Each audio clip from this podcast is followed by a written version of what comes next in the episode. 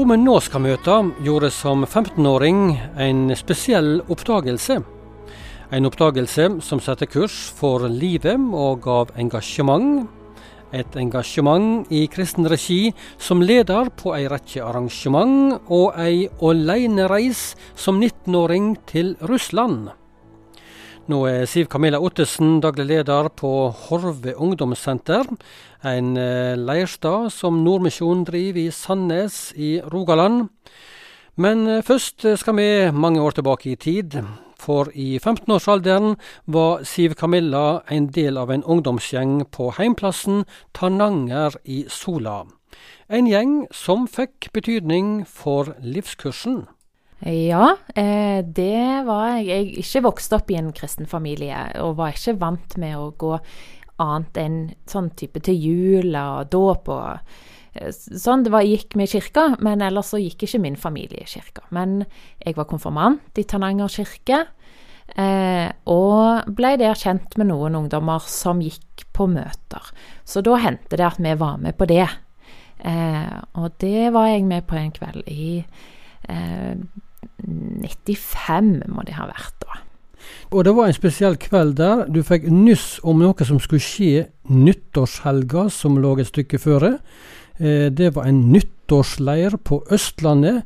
Eh, denne gjengen som var i lag med deg, reiste til Holland på en misjonskonferanse, men du bestemte deg for å reise alene til Hamar og til Ungdom i oppdrag sin nyttårsleir?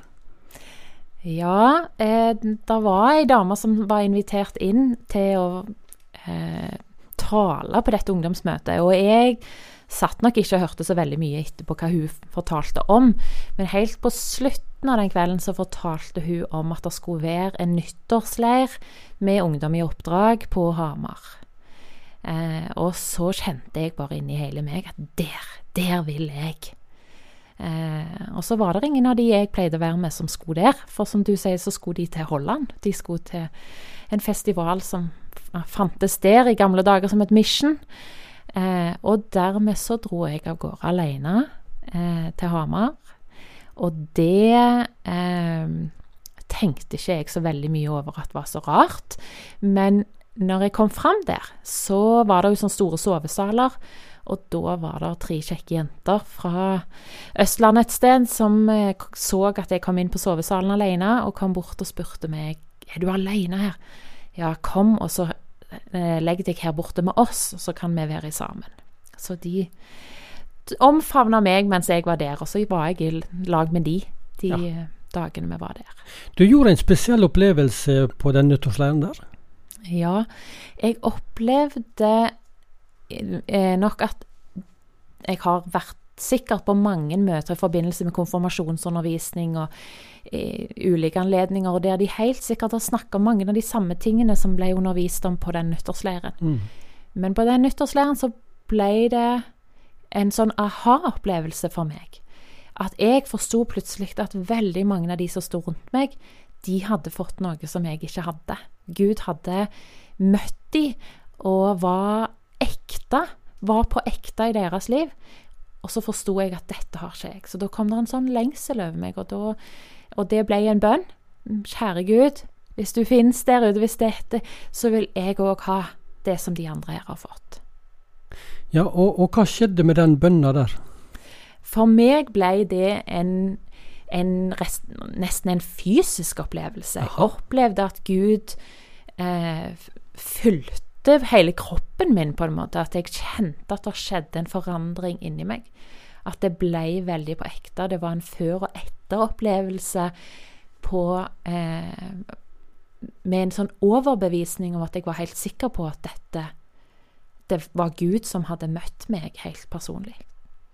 Eh, og så var jeg òg Jeg spurte eh, noen rundt meg, disse her tre jentene som var sammen med meg, jeg fortalte det til de, og de gikk og henta noen voksne som kom bort og, og ba sammen med meg og prata med meg, og, sånn at jeg fikk noen som forklarte litt til meg og var sammen med meg den kvelden. Hva var det de forklarte? Hva, hva, hva var egentlig dette med Gud du, du møtte i dette? Er sånn, når, du tenker på det i etterkant nå, da? Ja, eh, det er jo eh, Det er jo alltid vanskelig å sette ord på en veldig åndelig opplevelse. Eh, fordi at det var ikke helt det, det, var ikke helt konkret. Men for meg så var det en, eh, en eh, På sett og vis en sånn fred, en sånn ro og en indre overbevisning om at jeg hadde kommet hjem, jeg hadde funnet, eh, funnet Gud. Men det var òg en sånn brann og en lengsel etter å Dette må jo flere få lov å oppleve. Sånn at det eh, var eh, noe jeg delte veldig videre òg. Jeg var eh, stolt av å fortelle det når jeg kom hjem. Ville at folk skulle vite det. Eh, så det gjorde jeg når jeg kom hjem òg. Fortalte det til de rundt meg. Og vi har gjest. Eh, det er Siv Camilla Ottesen fra Klepp eh, på Jæren.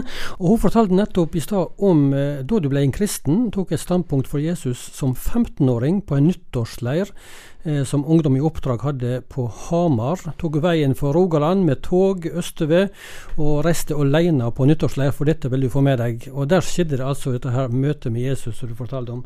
Eh, og så fortalte du meg før sendinga nå at eh, det gikk ikke lang tid før du ble hanka inn og ble engasjert i det kristne ungdomsarbeidet på heimstaden din i Tananger i Sola. Nei, det tok en uke. Jaha. da var du klar?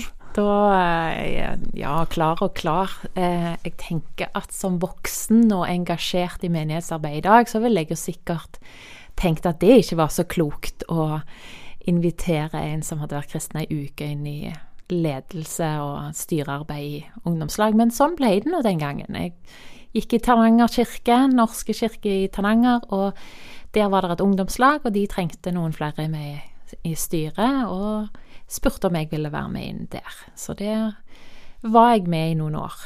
Hvordan var det som ungdom på den måten der å få ansvar og bli vist ansvar? Ja, nå var jeg eldst av fem søsken, så jeg var nok en type som var litt sånn vant med å ta ansvar i utgangspunktet. Eh, og hadde mye eh, engasjement og mange tanker og meninger. Og derfor så var det nok lett å spørre meg om å eh, bli med. Og jeg syns det var stas. Jeg tenker at jeg har vokst veldig mye på å få ansvar. Eh, har bedt om å bli med og ta ansvar på andre ting etter hvert òg, så fikk vi jo stort spillerom. Det var en raus menighet som lot ungdommene få lov å ta mye plass. Ja, for Du nevnte for meg òg at du var med på en rekke arrangement som leder. Impulskonferansen i Stavanger, som er en stor ungdomskonferanse hvert år. Du har vært på Åpen himmel-arrangement på sommerstid på Bibelskolen i Grimstad. Eh, Saronsdal på ungdomsarrangement du har latt deg engasjere. Du har ikke på en måte gått lei, selv om du begynte tidlig. Nei, det har jeg ikke. Hva tror du er grunnen til det?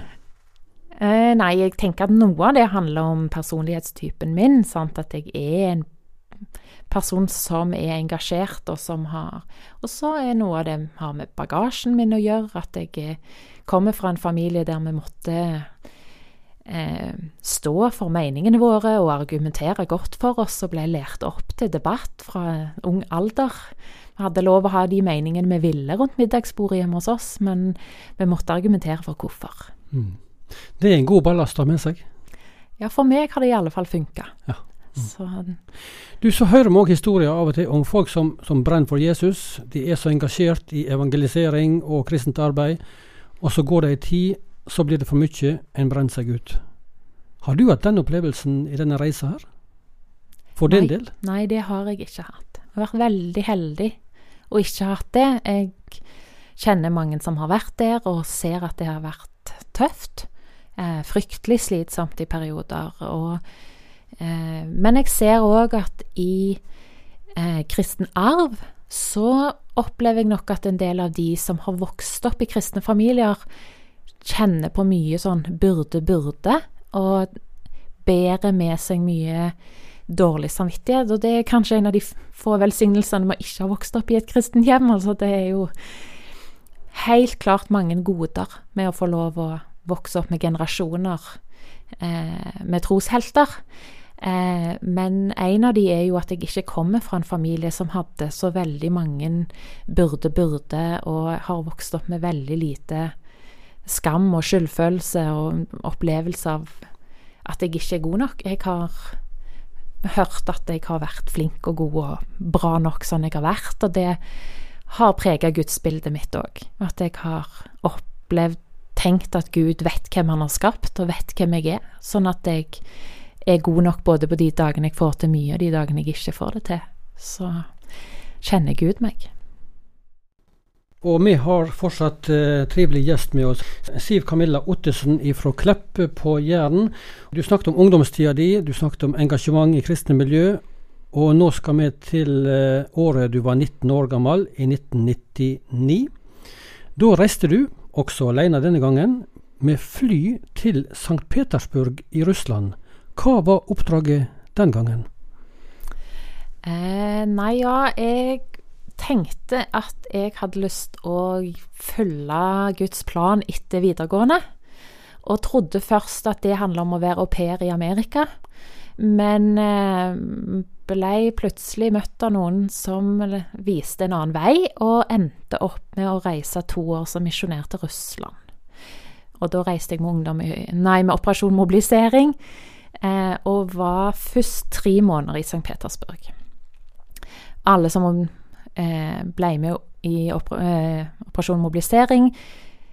Eh, Starta med å være tre måneder i St. Petersburg for å gå på språkkurs, og for å lære en del om historie og kultur, og bli glad i Russland og det russiske folket. Så der starta jeg, og så bar veien videre etterpå til en bitte liten by som heter Kingisep. Der var det en liten menighet som hadde bedt om hjelp. De drev søndagsmøter og ønsket å drive et større arbeid for å nå ut til flere, og for å være med å hjelpe til i den byen på rundt 80 000 innbyggere. Og det var en by som ikke hadde noe Nav eller noe sosialtjeneste eller noe sånt, så folk stilte seg opp i kø utenfor kirkene for å få hjelp eller mat eller husly. Eh, og da ble jeg med og starte et senter for uteliggere. Hvordan var det? Eh, det var eh, utrolig spennende, veldig givende. Jeg har fortsatt venner fra den tida når jeg var der. Eh, så det har betydd mye for meg og min utvikling. Og så var det òg det mest ensomme jeg har gjort i mitt liv. Det å være 19 år, være den eneste fra Skandinavia på det teamet, alle de andre var i alle fall ti år eldre enn meg. Eh, og jeg kunne ikke språk, jeg kunne ikke alfabet engang når jeg reiste til Russland. Så det var en bratt læringskurve. Men du ble der i to år. Hvordan utvikla dette her seg i løpet av disse to åra?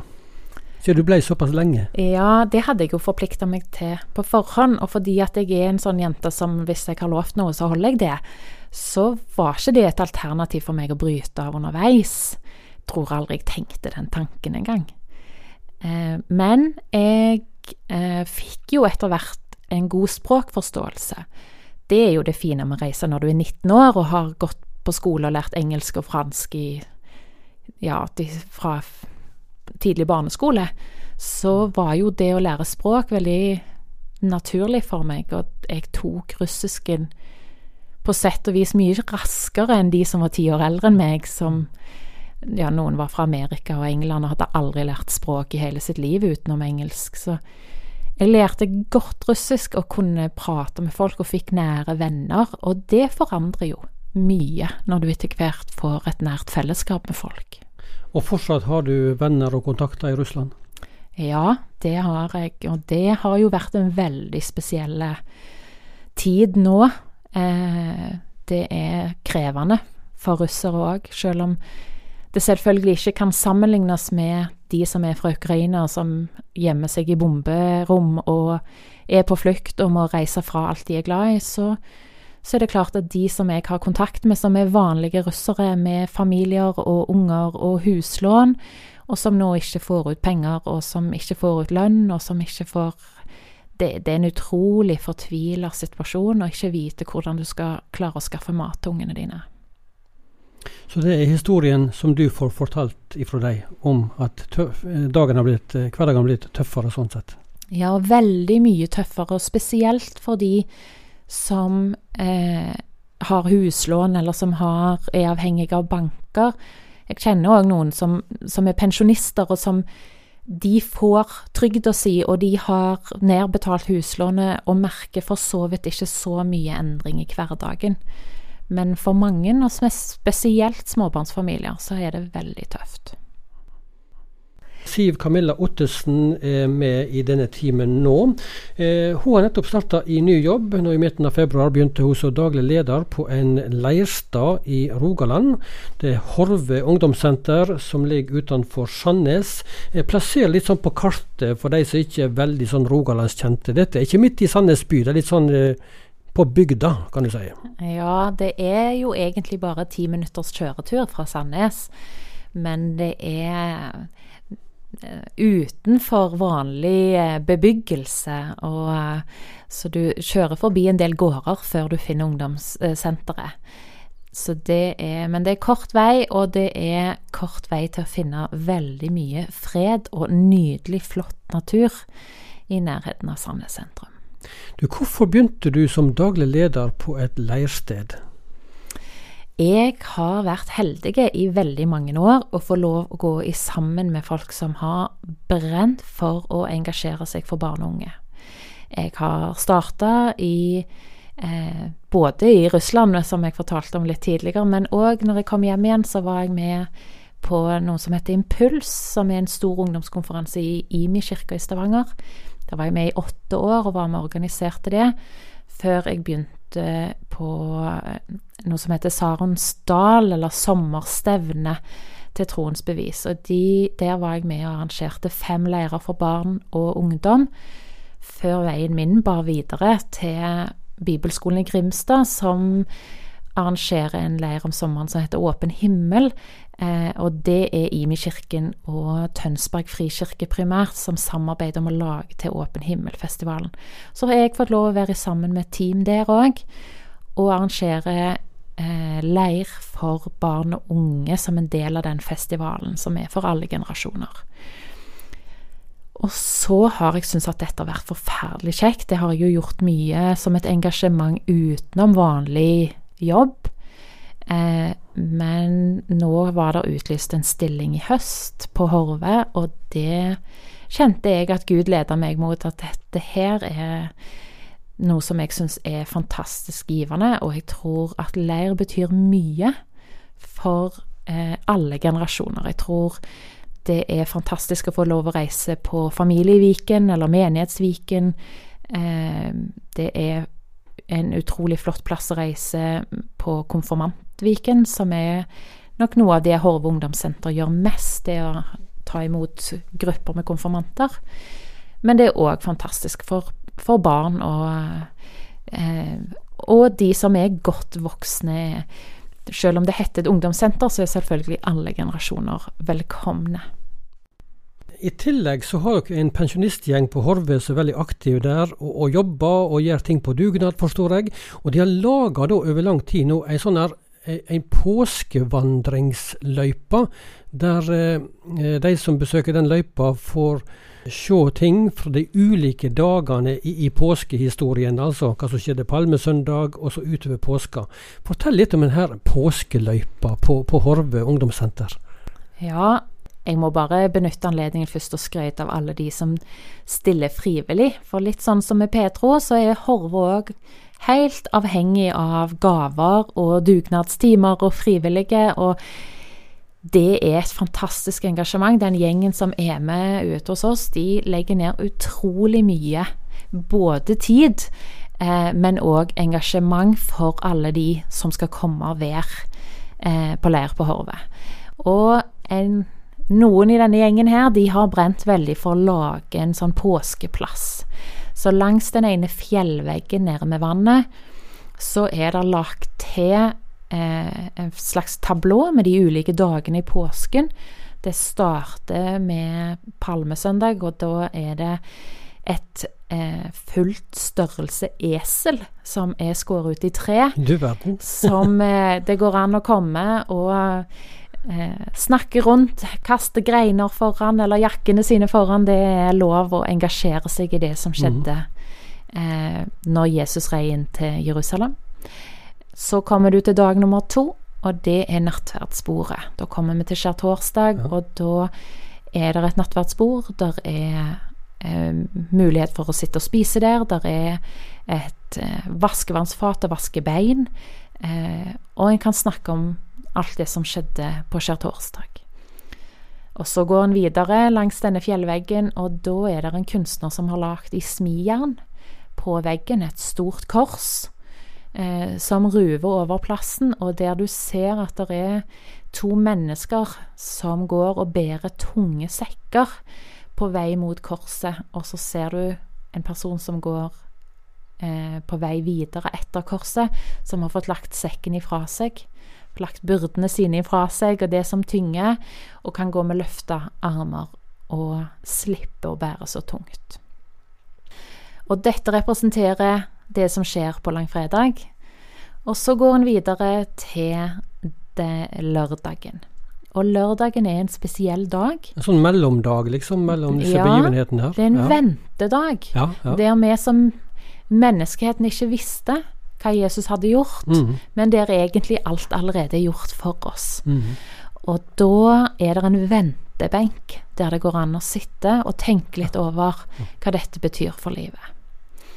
Og så kommer du til den siste dagen, og det er den tomme graven. Og da har de rett og slett murt opp en tom grav. Sånn at det går an å komme og se at graven er tom. Denne påskeløypa her, eh, eh, går det an å besøke den uten at en skal på en spesiell leir eller begivenhet? eh, At en kan stikke innom på en dagstur? Ja, det er folk veldig velkomne til, og det er lov å komme nå i påsken som kommer nå. Vi ber selvfølgelig litt om å ta hensyn hvis du kommer til Horve og ser at nå er det et arrangement, eller det er en gjeng, så, så tar vi litt hensyn til det. Men i påsken er det ikke utleid, og da er det lov å komme og gå tur rundt eh, området. Der er kjekke uteaktiviteter og frisbeegolf og mye kjekt som skjer, som det går an å gjøre på Horve. Kjekke lekeplasser og sånn. Men det er òg lov å komme eh, som familier, eller som ungdomsgrupper i sammen, eller som venner, og komme og gå langs påskeløypa og ta inn over seg det som, har, som Jesus har gjort for oss i påsken. Ja, Det sa Siv Camilla Ottesen, som i dag er daglig leder på leirstaden Horve ungdomssenter, som Nordmisjonen driver i Rogaland. Og dette intervjuet det var et gjenhør fra Petro sine responsdager i midten av mars.